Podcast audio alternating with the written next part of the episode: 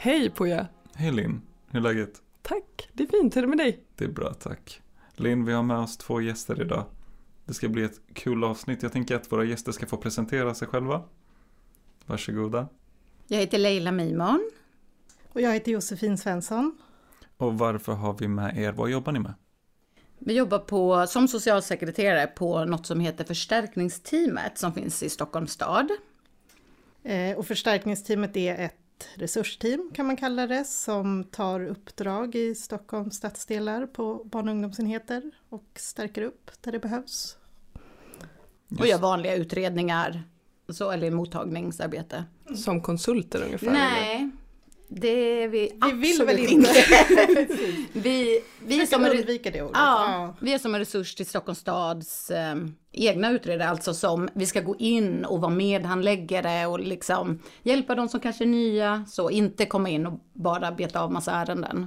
Just det, och vi har ju lyxen att vi ibland får dela lokal med er. Mm. Och då kan vi bolla saker som vi tycker är svåra med socialtjänsten och som vi kanske inte alltid förstår. Och ni kan bolla saker med oss om den problematik som kallas hedersrelaterat våld och förtryck. Så det är ju lyxen. Och vi tänkte okej, men nu måste vi bjuda in dem till podden också. För att ni sitter på en kunskap som jag tänker att människor där ute behöver få höra också. Vi har ganska många ungdomar som pratar med oss som inte riktigt vet hur det går till med socialtjänsten eller vad de ska göra med sina historier. Men vi har också yrkesverksamma som undrar hur funkar det på andra sidan? Och på andra sidan menar de, okej, men hur funkar det hos Mm. socialtjänsten? Så låt oss börja där. Jag får en ungdom till mig som kanske aldrig varit i kontakt med socialtjänsten tidigare, men lever under våld hemma, våld hemifrån och något som jag kanske hade klassat som hedersrelaterat våld och förtryck. Mm. Vad gör den ungdomen med sin historia? Ska du ta den? Ja, men om ungdomen vill ha hjälp så, så, så eh, är det ju viktigt att ungdomen berättar för någon. Så. Eh, ungdomen kan ju såklart vända sig till socialtjänsten själv genom att ringa till socialtjänsten i den kommun eller den stadsdel man bor i. Eller berätta för någon annan yrkesprofessionell skolkurator eller er på Origo som hjälper ungdomen att ringa till socialtjänsten. Just det. Och vad gör man då? Låt säga att jag är den ungdomen. Tar jag upp Mm. telefonen, ringer socialtjänsten och säger men jag är utsatt för våld hemma. Hur, hur gör man det samtalet? Hur, hur går de till?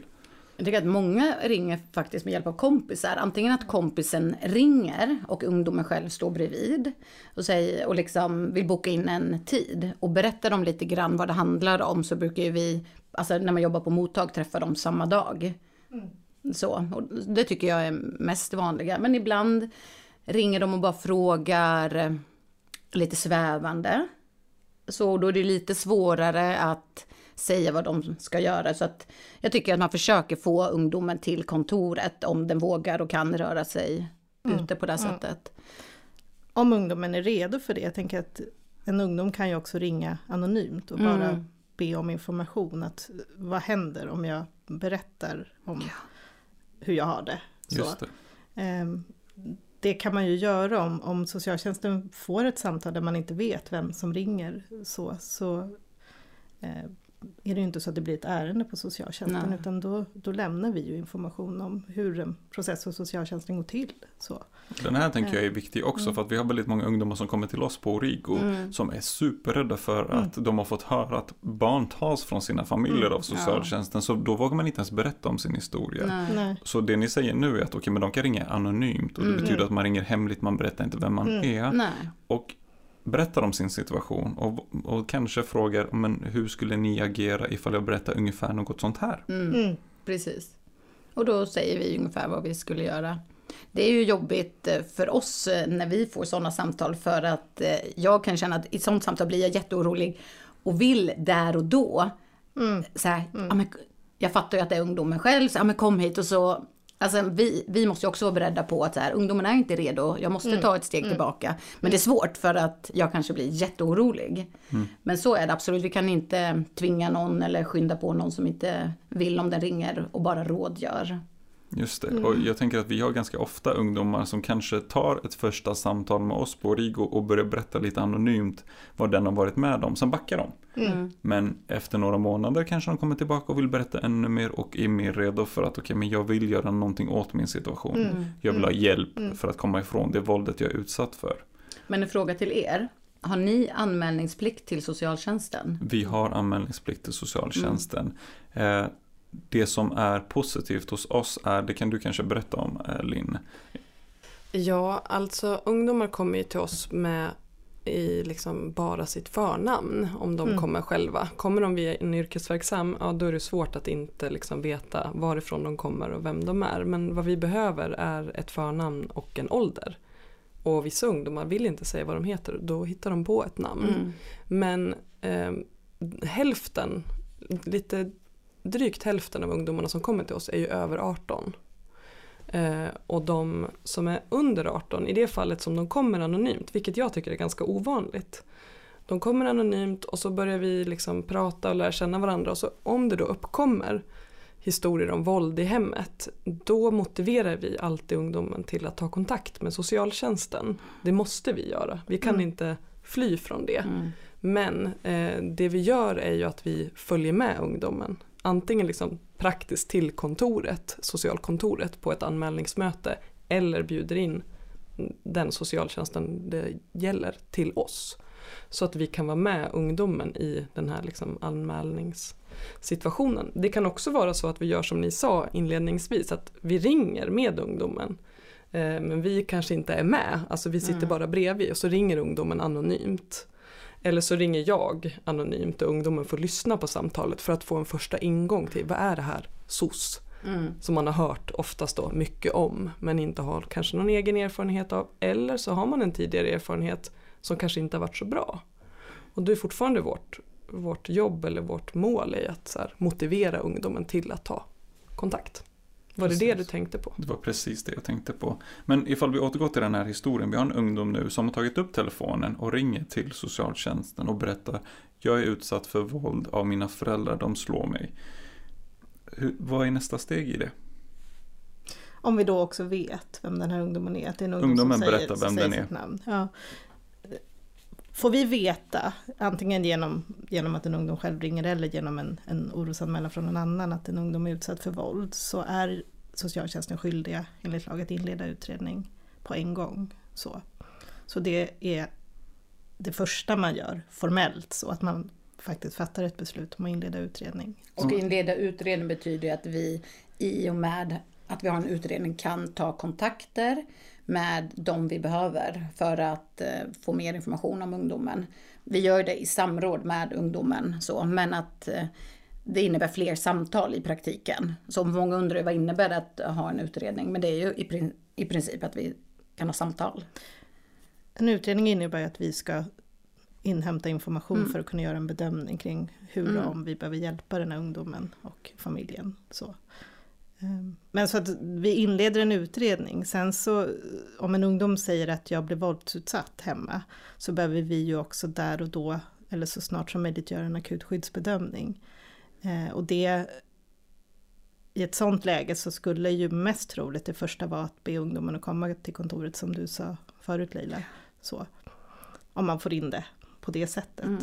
För att kunna prata mer och Mm. också ja, men kunna bedöma. Kan, kan den här ungdomen fortsätta bo hemma? Mm. Eller kan, behöver ungdomen skydd? Just det. Vi kan också gå och åka till skolan om ungdomen känner sig mer trygg där. Om det till Mm. exempel sitter med Mm. kuratorn och så kan vi åka dit och ha ett första samtal. Mm. Eller på telefon. Men vi måste ha mer information för att kunna, ja, men som du sa, göra den här akuta bedömningen. Mm. Och troligtvis händer det ju jättemycket i ungdomens liv och den kommer kanske inte veta vad är det jag behöver berätta egentligen för att eh, socialsekreterarna ska kunna göra sin bedömning, sin utredning. Så vad behöver ni veta som socialsekreterare?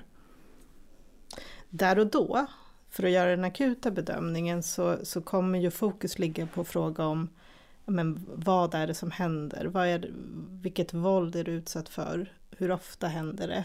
Eh, vilka är det som utövar våldet? Är det båda föräldrarna? Är det ena föräldern? Finns det någon som skyddar? Har Mm. ungdomen nå- någon egen tanke på vad den behöver för att bli skyddad?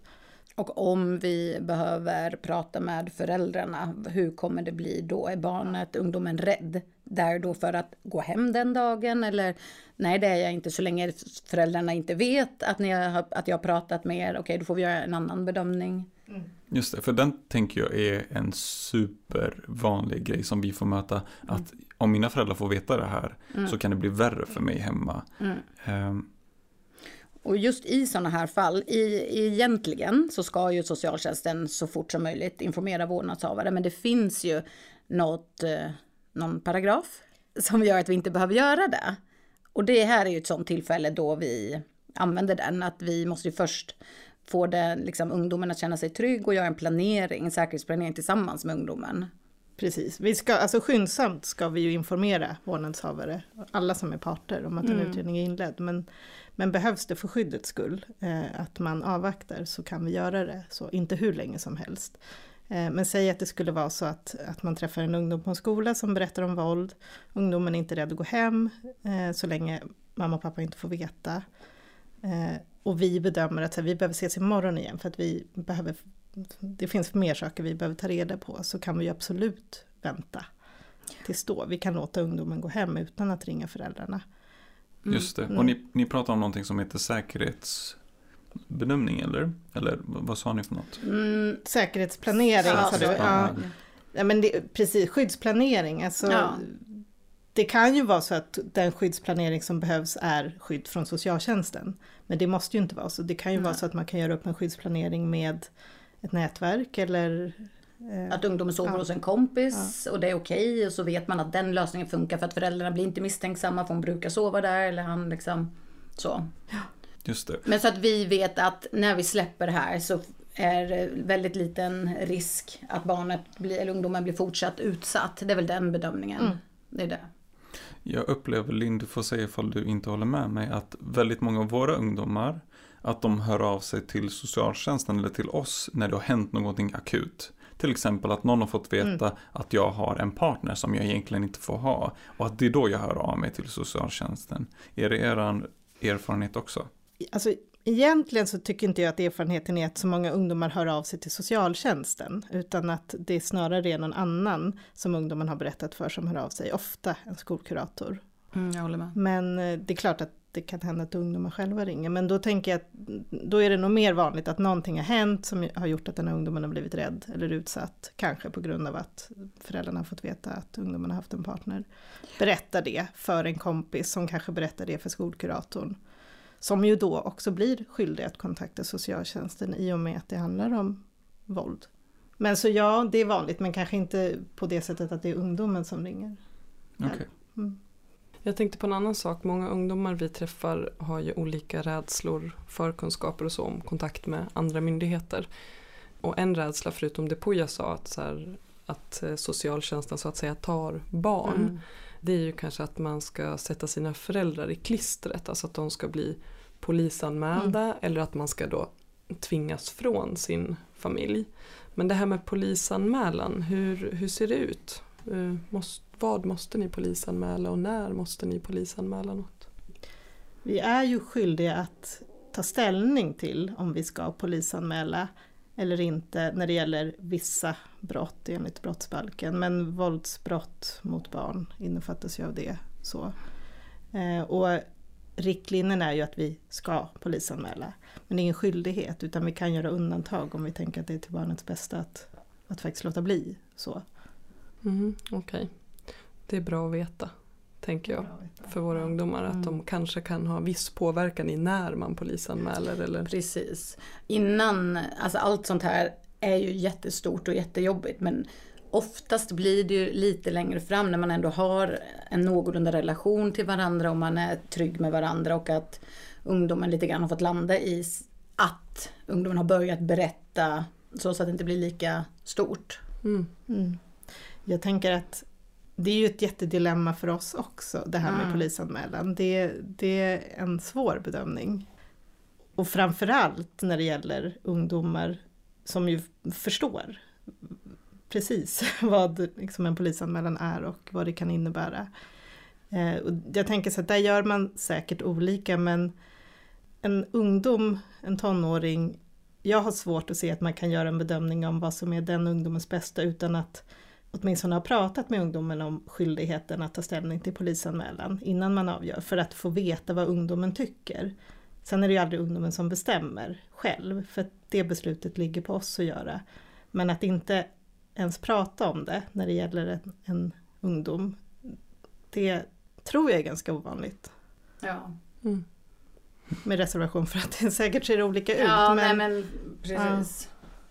Men en annan sak jag tänker på nu när vi sitter och pratar det är ju också det att hittills har vi pratat om så här fysiskt våld eller mycket våld eller vad man Mm. ska säga. Då är det så här, låter som att det är tydligt att socialtjänsten inleder en utredning eh, och till och med kanske överväger då en polisanmälan. Mm. Många ungdomar som vi träffar på Rigo är ju inte riktigt där. Eh, och då menar jag inte att de inte är redo utan de lever inte med fysiskt våld eller hot om fysiskt våld utan de lever med begränsningar, kontroll, med idéer om vad som skulle kunna hända i framtiden.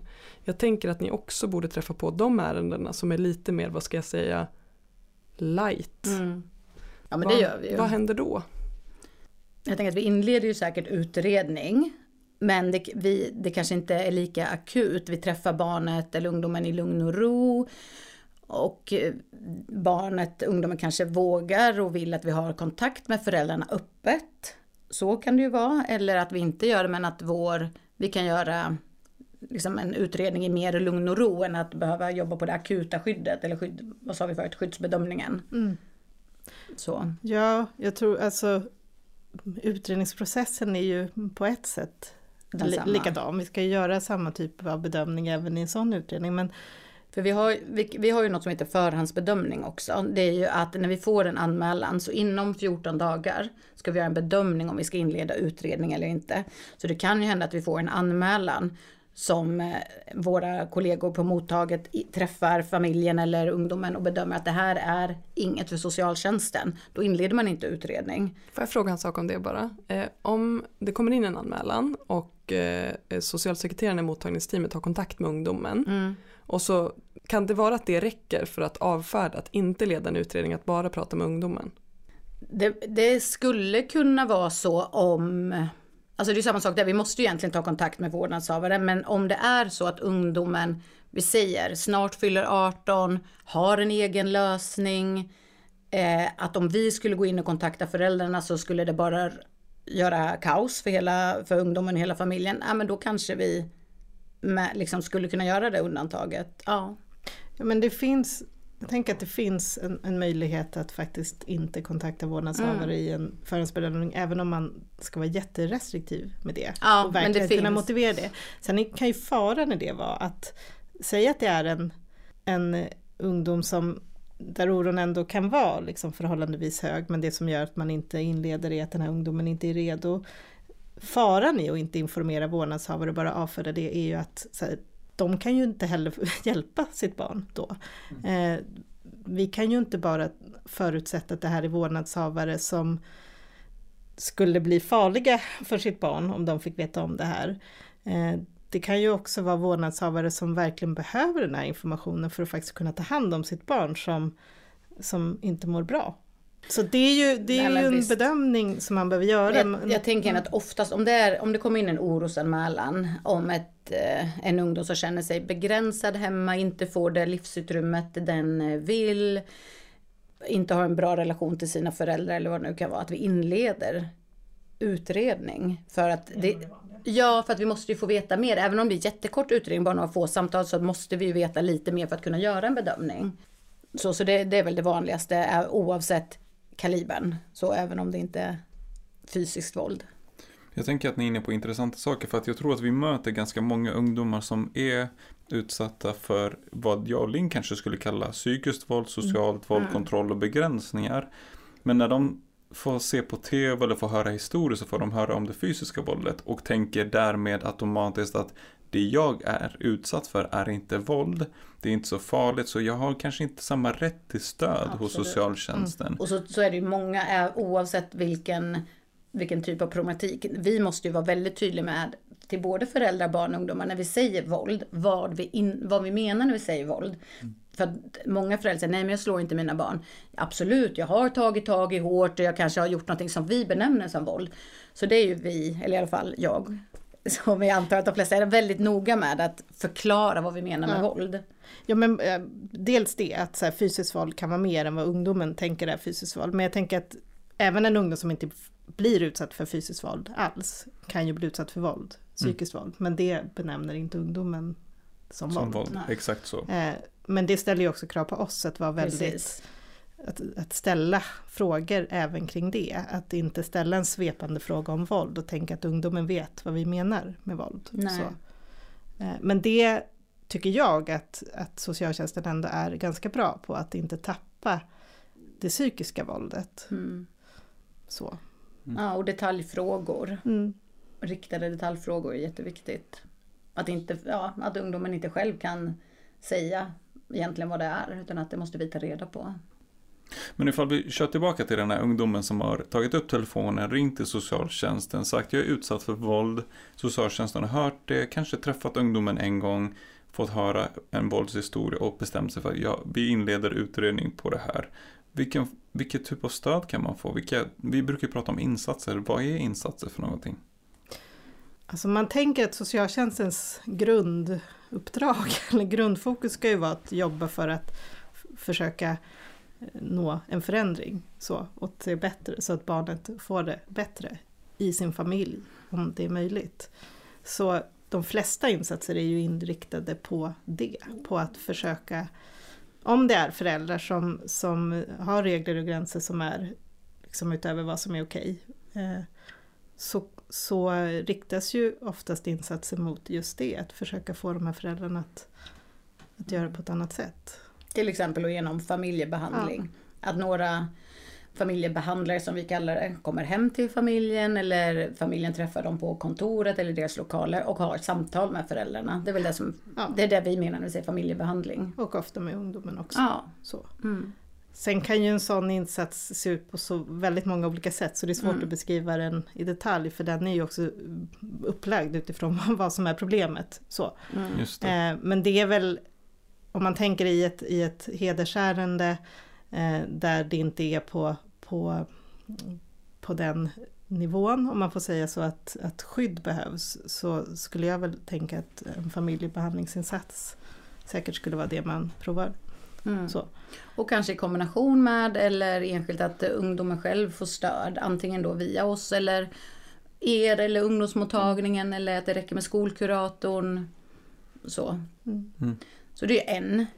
Så typ det är att jobba med familjen tillsammans med ungdomen och försöka få till förändring i familjen där. Koppla på kanske andra personer, kuratorer, Origo eller vad det nu Mm. skulle kunna vara Mm. som får prata med bara ungdomen också. Precis. Men vi har ganska många ungdomar som säger att jag vet om att min mamma och pappa aldrig kommer förändras. Så även fast vi har familjebehandling så kommer jag gå tillbaka och då kommer jag få skit från mina föräldrar hemma Mm. sen. Vad gör man i de lägena? Ja, de är svåra. Alltså, Ja, alltså ibland så är det så här, om det inte är jättefara, då är det så här, "Ja, fast vi måste prova. Det är ju tyvärr så, precis som hos doktorn så provar man med de små medicinerna och sen ökar man ökar. Precis så måste ju vi också göra. Eh, men är det att ungdomen verkligen är rädd eller att vi känner att vi vet inte hur det här blir, då kanske vi inte använder oss av familjebehandling. Utan då kanske vi måste göra något större. Jag tänker att ja, vi behöver ju bedöma att det ändå kan finnas förutsättningar för att det ska funka för att prova. Det är inte så att vi sätter in en sån insats som vi också vet att säga, nej men Nej. det finns noll förändringspotential. Vi ska inte prova bara för att. Nej, och vi måste bedöma Eh. risken innan. Ja. Just Så. det. Men jag vet inte, det kan ju vara så, tänker jag, att en ungdom säger att mina föräldrar kommer aldrig förändra sig. Ehm, Men det är ju, jag vill inte säga att ungdomen har fel, men det kan ju, det kan ju vara så att, att ungdomen faktiskt inte vet Mm. heller. Det, att, att mina föräldrar aldrig kommer ändra sig. Så. Just det. Nej, jag skulle nog snarare vara rädd för att testa det om jag var ändå lite osäker på det här med våldet. Alltså hur mycket, blir det grövre, blir det värre? Att efter varje samtal så, känner, så blir föräldrarna mer arga. Då skulle jag nog var mer orolig. Det är klart att vi lyssnar, som Josefin säger, på en ungdom som, om den inte tror, men det kom, vi kommer nog ändå, man vill ändå prova. Tänker jag. Mm. Och vad är nästa steg då ifall vi märker att familjebehandling inte funkar, våldet ökar mm, i och med att man kör familjebehandling eller samtidigt, vilka, vilka fler insatser finns det? Alltså om en ungdom, om man märker att en familjebehandlingsinsats inte funkar och att det fortsätter och, och barnet fortsätter att utsättas för våld. Eller om man redan från början bedömer att vi, barnet är utsatt för våld och vi behöver skydda det här barnet. Så det, det kanske är möjligt med förändring men det kommer ta tid. Då är ju, blir ju oftast barnet placerat utanför hemmet. Mm. Så, för skyddets skull. Just det. Och vad betyder det? Det betyder att det finns ju lite olika typer av placeringar. Eh, och beroende på hur gammalt barnet är. Så men tänker man att man har en yngre ungdom som har många år kvar tills det blir vuxet så är den vanligaste placeringsformen jourhem. Så, där och då. Eh, och det betyder i princip att man får bo i en annan familj. Som är egentligen en helt vanlig mm. familj. Så, som, mm. Som jobbar för oss.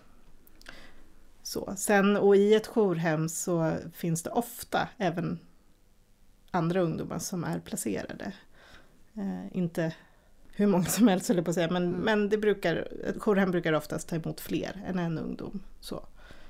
Eh, en del jourhem har ju extra kompetens inom till exempel heder och har man en ungdom som är utsatt för hedersproblematik så försöker man ju oftast matcha så man hittar ett jourhem som har den kompetensen eller den erfarenheten. Och det är samma men, sak där, många ungdomar säger oh, men jag vill inte flytta till Norrland. Så, så behöver det ju inte vara. Utan det beror ju också på behovet av skydd. Så att mm. vi, vi, har ju familjer i hela Sverige, mm. även får, i Stockholm. Får man ha kontakt med sin eh, biologiska familj? Får man bli placerad på ett jourhem eller? Det görs ju en bedömning kring om ungdomen kan ha det på ett säkert sätt. Eh, det är ju inget per automatik förbud mot det. Kan en ungdom ha kontakt med sin familj utan att eh, det finns risk för att familjen på något sätt ingriper i vården, alltså åker och besöker ungdomen utan att det är planerat eller försöker få ungdomen att flytta hem utan att, att det är planeringen så kan man ju ha det. Det är inget som socialtjänsten behöver reglera då. Nej. Eh, men om det är så att skyddsbehovet är stort och det finns risk för att eh, familjen kommer hämta hem sin ungdom så kan ju socialtjänsten dels fatta beslut om att begränsa umgänget så, helt eller begränsa det på så sätt att man bara får telefonkontakt till exempel. Och så kan också socialtjänsten fatta beslut om att eh, vistelseadressen, alltså jourhemmets adress, ska vara hemlighållen för vårdnadshavarna. Just det, så det så. blir en hemlig adress. Jag har varit med, för några år sedan så hade jag en ungdom som som inte fick ha kontakt med sin mm. familj. Och den ungdomen sa att jag, jag förstår varför jag inte får ha min mobil i det här läget. För att när jag hade min mobil så kunde mamma ringa till mig och säga att hon är jättesjuk, att pappa är mm. sjuk och ligger på sjukhus. Och det gjorde så att jag fick jättemycket skuldkänslor och ville hem. Så jag förstår att socialtjänsten ville skydda mig från det där. Så för, för den här personen så var det ju ganska tydligt varför det är så. Men jag tror att väldigt många av våra ungdomar känner att det är orättvist att man tar telefonen ifrån dem. Och att man kanske inte alltid förstår att okej, okay, jag gör det för att skydda dig från skuldkänslor som du kan få. Eller att familjen klandrar dig för vad som har hänt och vill få hem dig. Eh, så vi märker också på Rigo att det blir ganska mm. tufft för ja. ungdomen. Både att skydda sig själv men också jag vill ha kontakt med min familj samtidigt också. Det är ju också en svår fråga. Så vi, går vi in och skyddar för mycket, begränsar för mycket så eh, blir det en risk i och med att vi kanske mm. faktiskt gör så att ungdomen inte orkar. Eh, Precis, i den perfekta världen så blir det en placering. Samtidigt så jobbar vi med föräldrarna i hemmet och ungdomen får stöd. Och sen sakta så kan ungdomen och föräldrarna börja ha en kontakt och en relation igen. Så att man får börja med begränsningar. Men det är ju inte, nej, det är inte alltid det blir så. Just det, för jag har haft ungdomar som har frågat vadå, om jag blir placerad, är det för e- evigt eller? Det går ju inte att svara på men så här, skulle man få den frågan av en ungdom så, så är ju svaret att nej, för evigt är det inte. Nej. Lite beroende på vilken lag man är placerad av, eller vad man ska säga enligt, så omprövas ju placeringsbeslut med jämna mellanrum. Eh, och socialtjänsten är alltid skyldig att eh, häva ett placeringsbeslut eller avsluta ett placeringsbeslut om behovet inte längre finns. Så att, så att om det är jätteallvarligt våld och vi tänker oj det här barnet, ungdomar kan inte flytta hem på länge. Sen tar föräldrar emot jättemycket hjälp och alla syskon eller alla säger att ja, men det har blivit mycket bättre och, och de börjar ha umgänge och man ser att det har blivit bättre. Ja, då kanske vi inte har någon anledning längre. Så, så att, att säga att det är för evigt kan ju inte. Det kan bli så om mm. föräldrarna, om barnen fortsätter att vara rädda för sina föräldrar och föräldrarna fortsätter att agera på något sånt sätt.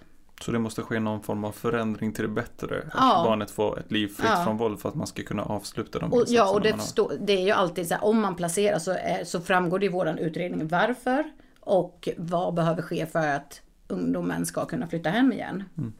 För att jag tänkte det du var inne på kanske vi ska nämna lite om att man kan vara frivilligt placerad ja. och placerad med tvång. Solo LVU. Ja, berätta gärna. Ja men precis, man kan alltså så här, socialtjänsten ska alltid om det går placera enligt SOL, socialtjänstlagen, eh, som ju är en placering som sker med samtycke från alla inblandade. Alltså att alla säger ja. ja. Kanske inte med ja. glädje, men okej. Okay. Mm. Så. Ja. Och vilka är alla? Alla som är part, alltså mamma, mamma pa, eller mamma pappa, vårdnadshavare ah. och eh, barn som är över 15. Så, mm. de är en part. Så, så att, och har man ett samtycke som, är, som man litar på, som man tänker att det här, ingen, ingen av parterna kommer ingripa i vården, förstöra den. Eh, kommer inte åka och hämta barnet. Nej, precis. Då sker placeringen med det samtycket. Så.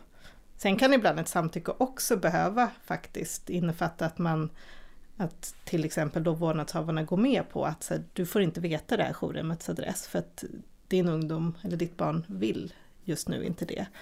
Eh, det. Bedömer man att, att det behövs, att adressen inte röjs, så behöver ju också samtycket innefatta det. Annars så finns det inte förutsättningar för en frivillig placering. Så. Men det vanliga är ju oftast, tänker jag, när det gäller skyddsärenden och i hedersärenden att, att placeringen faktiskt sker med tvång. LVU, så, enligt alltså. LVU. Och vad betyder det då? Dels så är det ju då att, det är att föräldrarna säger nej, vi går inte med på det här. Och eh, våra möjligheter ökar ju då att, som Josefin, Josefin sa, hemlighålla adressen, begränsa umgänget. Så men då, då är det ju som du sa, om, att, vi, att det måste omprövas. Det är ju, alltså, jag tänker, det är ju bara när vi placerade enligt LVU som vi faktiskt kan fatta beslut om att begränsa umgänget mm. och eh, hemlighålla adressen. För det är ju beslut enligt LVU-lagen. Så att placerar vi enligt socialtjänstlagen så kan vi ju kräva att föräldrarna går med på att, att till exempel inte kontakta sin, sitt barn eller veta adressen. Men vi, vi har ju inget formellt beslut om det, Nej. vilket gör att så här, rent faktiskt så kan ju föräldern göra det ändå. Men eh, Precis, och sen eh, egentligen också oavsett om placeringen sker enligt socialtjänstlagen eller VU så ska ju placeringen eh, övervägas var sjätte månad mm. minst. Så. Alltså att man kollar, finns det fortfarande behov ja. av placering? Ja. Av att ungdomen inte bor ja. hemma? Så. Men den stora skillnaden också när det gäller, eh, eller mellan solplaceringar och LVU-placeringar är ju att LVU-placeringen eh, kräver ju en rättslig process. Alltså ett LVU kan ju socialtjänsten fatta där och då, akut. Men eh, sen så behöver ju socialtjänsten utreda om mm, placeringen behövs fortsatt och om det eh, är så att det finns, alltså om, om oron är så pass hög att LVU-lagen är tillämplig. Så. Det. Eh, det ställs ganska höga krav på hur utsatt barnet är för mm. att ett LVU ska vara tillämpligt. Mm. Eh, så jag tänker det här med att socialtjänsten tar barn. Socialtjänsten placerar barn, så det gör, ju, det gör vi ju, men det är ju verkligen bara i de fallen där det behövs, just för att det behöver vara riktigt illa för att vi ska få gå in mot mm. någons vilja och göra saker. Så.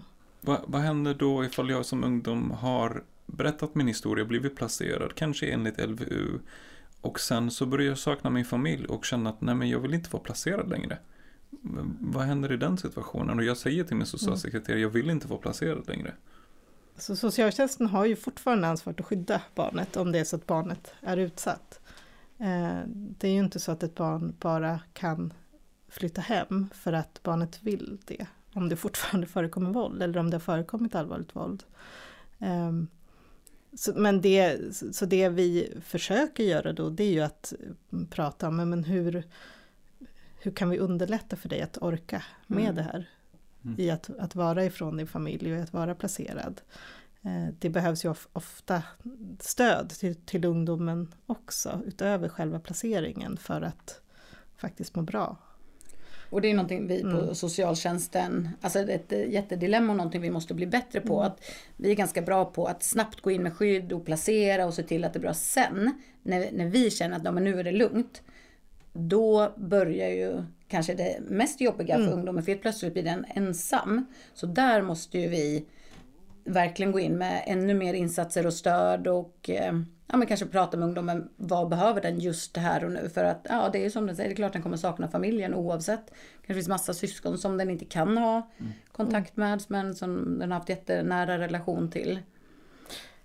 Ja, men det blir ju som att vi genom placeringen faktiskt flyttar det här barnet från hel, hela barnets liv och hela barnets mm. sammanhang. Så. Eh, och kanske till och med så pass att, att all kontakt också bryts, även om det inte måste vara så. Så det är ju ett jätteansvar på socialtjänsten att försöka ersätta kommer vi aldrig kunna göra, men att ändå försöka få in andra positiva sociala sammanhang mm. och, och, eh, så att så att det finns någonting också. Just det, och det är väl vår erfarenhet också ja. av de ungdomar som vi träffar som är placerade. Att mm. De ungdomar som har fått en ny skolgång ganska fort, hunnit bygga upp nya här, sociala kontakter, fått nya kompisar, få nya bästa Precis. kompisar, eh, få fortsätta med sina fritidsintressen. De orkar vara kvar i placeringen li lite längre, även fast man saknar sin familj. Så orkar man vara kvar för att man vet om att familjen kanske inte har förändrats helt än. Vi behöver ha mer tid för det. Så det kan vi också starkt säga från våra ungdomar att ju fortare de får komma in i sociala sammanhang desto bättre blir det för dem också. Mm. Desto mer orkar de. Och så får man ju också göra en bedömning för att det finns ju, man kan ju bli placerad i en jourfamilj eller familjehem som det heter om det pågår länge. Men det kan också, man kan också bli placerad på skyddade boenden och så småningom egna lägenheter. Så en sån bedömning måste vi också göra beroende på hur gammal ungdomen är och behoven. Just det. Ni, ni var inne på en sak som jag tänker är viktigt. Och det är att om jag berättar historien om att jag själv är våldsutsatt men jag har syskon i familjen som kanske har det likadant som jag har det. Va, vad händer med dem? Det som händer om man, om man berättar att man är utsatt för våld och så har man minderåriga syskon det är att socialtjänsten faktiskt är skyldig att inleda utredning också på syskonen. Eh, utifrån att de egentligen oavsett hur, hur utsatta de själva har blivit eh, så finns risken att de har bevittnat det som syskonet har blivit utsatt för. Och då måste socialtjänsten inleda utredning. Just det, för det kan vi säga någonting om kanske att det är ju ett nytt brott. Mm. Att bevittna våld i sitt hem mellan föräldrarna, eh, föräldrar som slår syskonen. Barnfridsbrott. Det är, precis, det är ett nytt brott sedan i somras. Eh, ett nytt brott enligt brottsbalken. Sen har socialtjänsten alltid varit skyldig att inleda utredning eh, när det finns oro för att barn har bevittnat våld. Eller alltid har vi inte varit, men, men i alla fall i ganska många år. Så. Men, men absolut, det är ett nytt brott, så att, vilket innebär att socialtjänsten är också skyldig att ta ställning till om en polisanmälan ska göras om eh, det finns syskon som kan ha bevittnat våld mot ett annat syskon. Så. Men sen, mm. sen, det kan ju bli så här att eh, beroende på vilken roll man har i familjen, vilken ålder man är i, vilket kön man har, så alla är ju inte lika utsatta. Så att det kan ju vara så att den här ungdomen vi har kontakt med måste placeras, men kanske inte de andra. Så, kan, så det ser ju olika Ganska ut. Ganska ofta ja, skulle jag vilja säga. Ja, det, är, det är så. precis. Ja. Och då menar, vi, då menar jag inte kanske, då är det här med polisanmälan en annan sak, men just det här med att placering, alla barn behöver inte placeras. Mm. Nej, det görs ju individuella bedömningar på alla barn. Och jag tänker att min erfarenhet är nog att det är ganska ovanligt att alla barn placeras i en familj där det finns en hedersproblematik där ett barn har berättat att det blivit utsatt. Mm. Så. Sen kan jag förstå den oron, vad händer med mina syskon? Men om man skulle säga, vad händer? Jo, socialtjänsten kommer mest troligt in i den utredning och dina syskon kommer få komma på samtal hos socialtjänsten för att ge sin bild av sin situation. Mm. Och om det är så att ditt syskon berättar om något som inte är bra eller som det vill ha hjälp med så kommer socialtjänsten även försöka hjälpa syskonet. Men det behöver inte betyda att syskonet måste bli placerat Nej. utan det finns ju som vi sa annan hjälp än det. Precis. Så. Mm. Det är ju väldigt vanligt tänker jag att vi träffar ungdomar som kanske är den äldsta ja, i syskonskaran precis. eller kanske den älsk, äldsta tjejen. Mm. Um, inte alltid men det är vanligt. Och att antingen så är det ett så pass stort glapp ner till liksom mm. yngre syskon. Eller så är det så att yngre syskon som ändå är kanske nära i ålder upplevs inte alls vara lika så att säga normbrytande eller eventuellt problematisk om vi säger så i liksom familjekontexten. Eh, men att det ändå då finns en stor oro hos den som kommer till oss. Vad ska hända med mina mm. syskon? Mm. Inte kanske i familjen utan måste de också gå, gå till socialtjänsten eller eh, det är en närvarande fråga mm. för de vi träffar. Och säg, ja, mest troligt kommer de behöva komma till socialtjänsten. Så.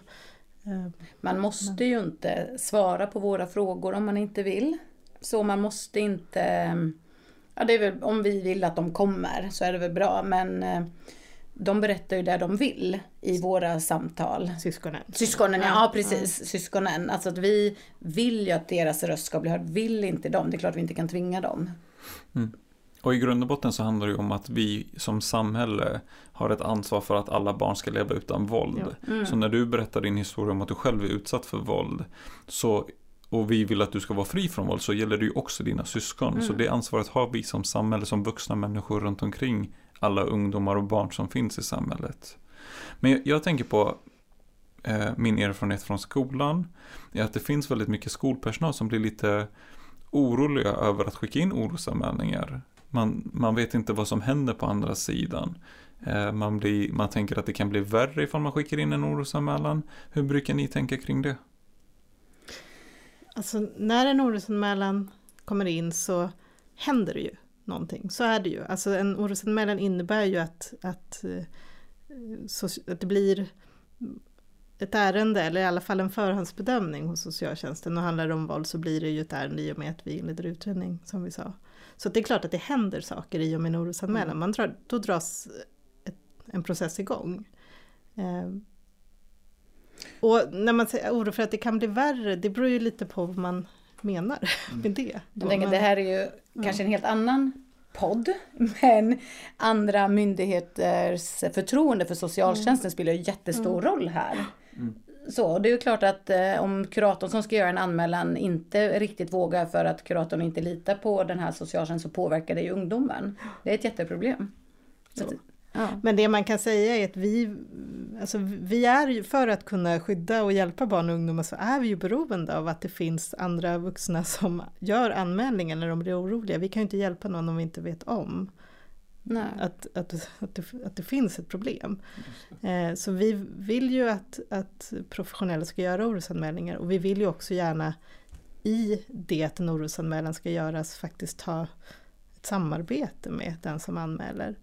Jag eh, tycker, ja. Nej men många, speciellt skolpersonal, kan ju känna att de sviker ungdomen om de berättar att nu har jag äntligen, liksom, nu har jag fått ett förtroende, nu är det liksom, den litar på mig. Jag sviker den om jag berättar för att då blir det så stort och socialtjänsten. Jag kan förstå att man känner så, men vi ser det ju tvärtom. Om man inte berättar hur svårt en ungdom har det, det är att svika. En relation tål mer. En ungdom vet innerst inne att ber man om hjälp så kommer och borde de vuxna agera. Det är ju det de vill, även om det där och då är jättejobbigt. Mm. Och det är min erfarenhet som mm. skolkurator också, att när Eh, även fast det har funnits motstånd till att göra en orosanmälan från de ungdomar som jag haft, är att även fast vi har gjort orosanmälan så finns förtroendet någonstans ja. kvar och en förståelse för att min kurator gjorde det här, eller den personalen på skolan gjorde det här för min skull, för att jag ska få det bättre, mm. Mm. inte för att jag ska få det sämre. Nej. Och det är vårt yttersta skyddsnät att ha socialtjänsten med oss som kan komma in och försöka skapa förändring. Mm. Men jag tänker att det är väl är viktigt då som skolkurator eller annan professionell att man är tydlig mm. i det. Att den anmälningsplikt man har så att det inte kommer som en bomb när man har pratat fem gånger och berättat allting att just det, jag behöver också anmäla det här. Det är väl klokt då, tänker jag som Mm. skolkurator till Mm. exempel, att man, Spela med öppna Ja. kort lite grann. Ja, absolut. ja. Och ganska tidigt. ja, Jag, jag tänker att vi brukar göra på Origo är att när vi skriver en orosanmälan så kan vi också be ungdomen kolla på den och titta på, ja men stämmer det här överens med den bilden som du har gett mig?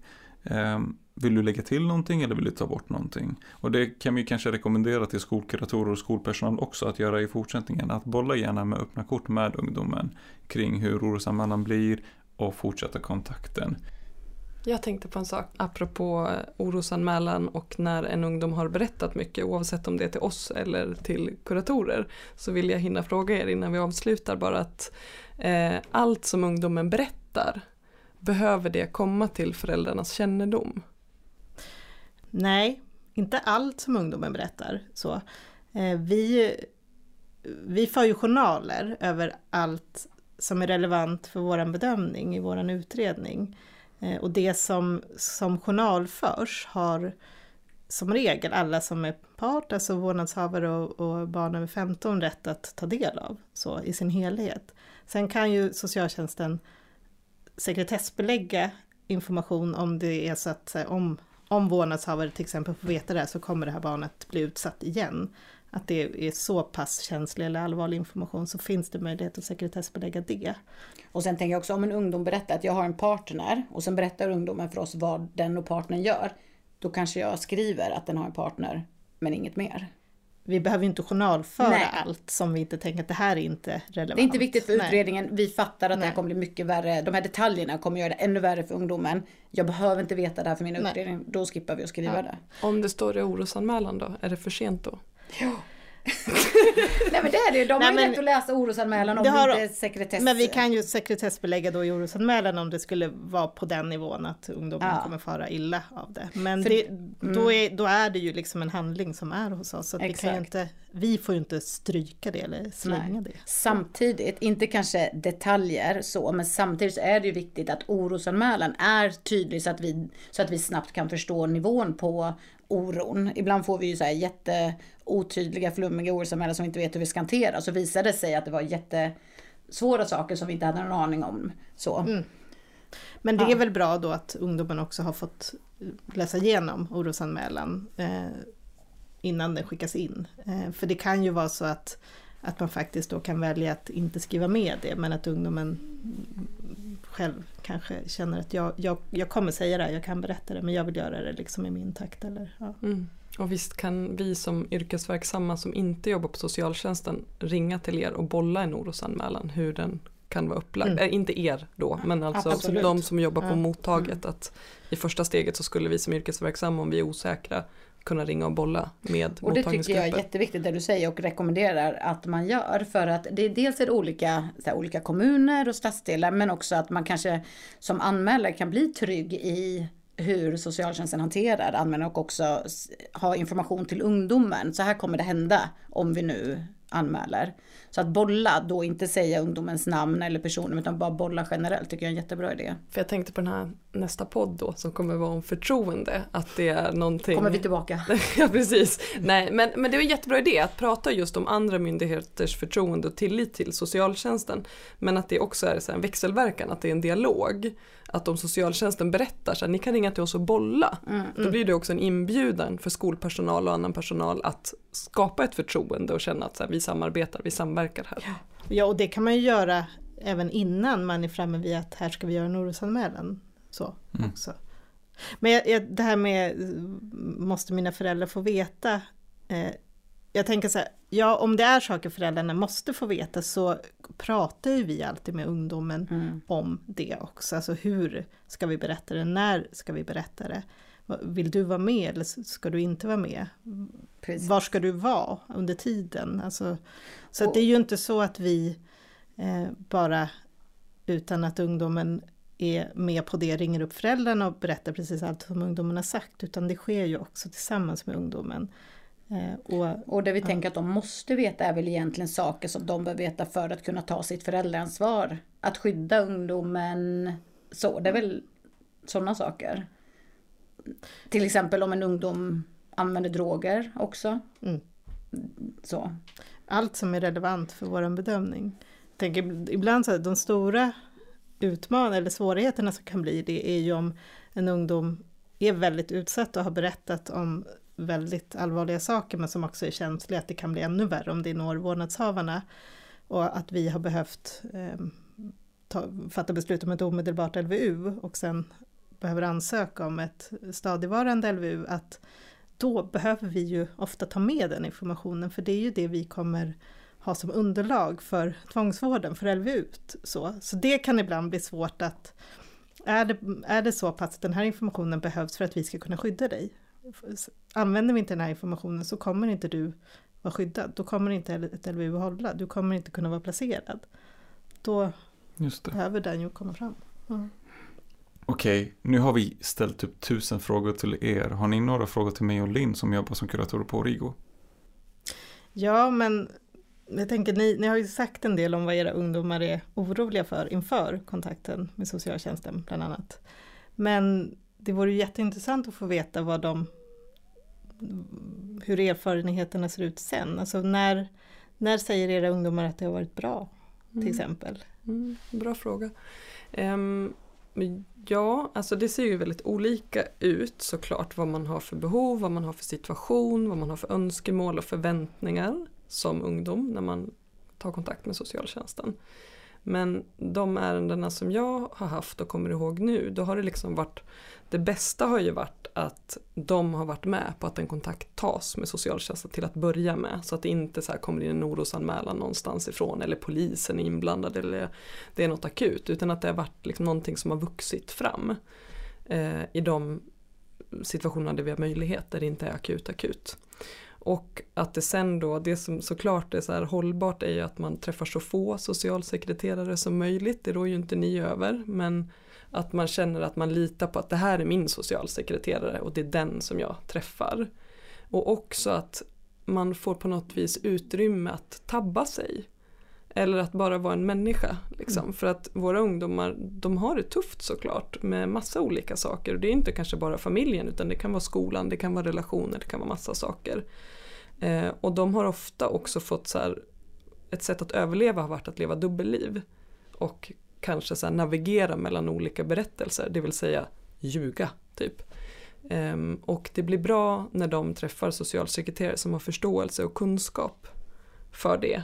Ehm, för ambivalens, för eh, olika så här, berättelser och att, in, att de inte känner sig anklagade. Och det tänker jag att det får de ofta om de har en socialsekreterare som följer med under lång tid och om de får träffa någon som liksom har utrymme också och tid att lyssna så stressade liksom, socialsekreterare som byts ut blir ju sällan en framgångs Mm. Eh, så jag tänker framförallt det där på att få vara lite så här, ja jag gick hem igen eller jag tog tillbaka något eller jag berättade inte hela sanningen och det var okej. Okay. Det är för mig tror jag det som, som de har berättat liksom mest och flest mm. gånger om. Eh, och det förutsätter ju liksom en längre kontakt så det är också en så framgångsfaktor att det handlar inte bara om den där kvällen när man blir placerad utan det är något längre. Tänker att det förutsätter en längre kontakt men också kanske lite förståelse och kunskap om att det är så det brukar se ut. Mm. Att det är ganska vanligt att man ändrar sig och tvekar. Och, för jag, jag tror, jag förstår, alltså, jag tänker att det också tyvärr är rätt vanligt att socialtjänsten tänker att om en ungdom går hem eller ändrar sig så kanske det inte var så allvarligt då. För att Tyvärr om, om, om ja. hen går hem så, så betyder det ju att, att ungdomen inte är rädd. Ja. Så kanske man tar bort alla ja. insatser och sådär. Mm. Så det är jätteviktigt. Precis, och det, det, känner jag verkligen igen. Att så här, om man ska vända på det ja. andra hållet, när har det inte ja. blivit bra? Ja, men det är när man liksom har gjort en sån sak som att gå hem eller ta tillbaka en del av berättelsen eller så och sen bli straffad för det.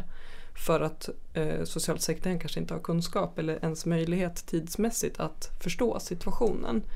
Eh, då brukar förtroendet åka i botten och så är det liksom svårt att eh, få tillbaka det igen mm. helt enkelt.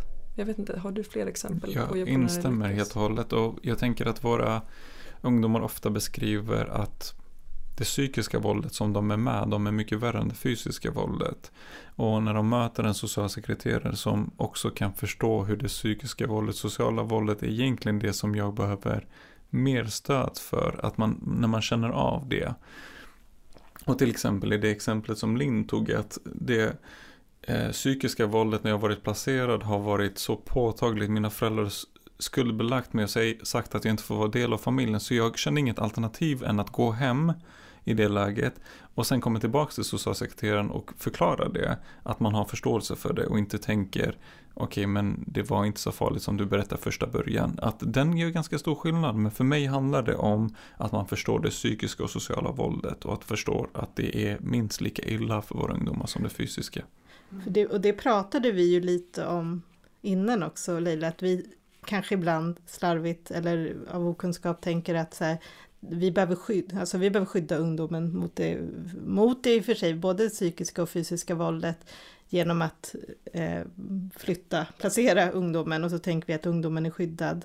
Eh, men vi har ju det, det kanske egentligen inte alltid är det som ungdomen är mest rädd för, det som kan hända hemma. Jag tänker att rädslan kanske ibland just handlar om att bli utfryst eller mm. inte få vara en del av familjen längre. Och det är ju mycket svårare att skydda Men att vi agerar på vår ångest, på ja. vår oro för att det här barnet ska fara illa och mm, kanske gör för mycket. Mm. Istället för att vänta in, så det är en jättesvår balansgång. Ibland behöver vi mm. våga ha is i magen och vänta in ungdomen eller att se vad den egentligen behöver för stöd. Mm. Ja, jag tänker att även om en ungdom, jag menar en ungdom som kanske inte behöver bli placerad för att det finns ingen risk att ungdomen blir våldsutsatt på det sättet. Men där ungdomen känner att jag blir ändå väldigt bestraffad i och med att så här, fortsätter jag så här så kommer inte jag få vara en del av familjen längre. Och så här, hur, hur skyddar vi mot det? Alltså våran skyddsåtgärd är ju att just flytta barnet från familjen så det blir och jag tror att vi kanske ibland missar att ens tänka på att det kanske är det här som ungdomen är mest rädd för. Så vi ställer frågor om våld och vad som kan hända hemma men ungdomen kanske är rädd för, för vad händer om, mm. om min familj faktiskt inte vill Just ha mig längre. Och det kan vi väl vi bekräfta mm. det att den, den erfarenheten finns ganska mm. starkt hos de ungdomarna som vi möter på Origo mm. i alla fall. Att den rädslan är mycket större. Mm. Och därför är det så otroligt viktigt att ungdomen är ju den som sitter på alla svar. Även om det blir ett stort ansvar på ungdomen så blir, är det ju samtidigt dens sanning vi måste utgå ifrån. Absolut. Det som är härligt är ändå att, eller härligt och härligt, men det som är bra med att få möta socialsekreterare är att de möter ungdomar och barn varje dag. Så det finns en ganska stark kunskap och kompetens hos socialtjänsten. Och jag tänker att vi ska skicka med innan vi börjar avsluta att det vi har pratat om att våga ta kontakt och ställa era frågor till socialtjänsten. Även ifall det är anonymt. Att slå, ta mm. telefonen, ring. Hur skulle det bli ifall jag eller min kompis eller en kompis kompis berättade det här för er? Att våga ställa de frågorna. Man kan också ställa de frågorna till Origo. Man kan ringa till oss anonymt. Men du har också personal på skolan, skolkurator, andra människor runt omkring dig som du kan ställa de här frågorna till. Jag vill avsluta med att tacka för att vi fick ta del av er kompetens idag. För att jag tror att det är jätteviktigt för våra ungdomar och yrkesverksamma att få höra det vi har pratat om idag. Så tack Leila, tack Josefin och stort tack till dig Linn. Tack. Tack att vi fick komma, det var jättetrevligt. Tack. Origo är ett resurscentrum mot hedersrelaterat förtryck och våld. Vi tar emot ungdomar mellan 13 och 26 år men hjälper också yrkesverksamma som möter den här målgruppen. Så ni kan kontakta oss via hemsidan, på telefon eller e-mail och vår hemsida är origostockholm.se. Vi finns även på Facebook och Instagram.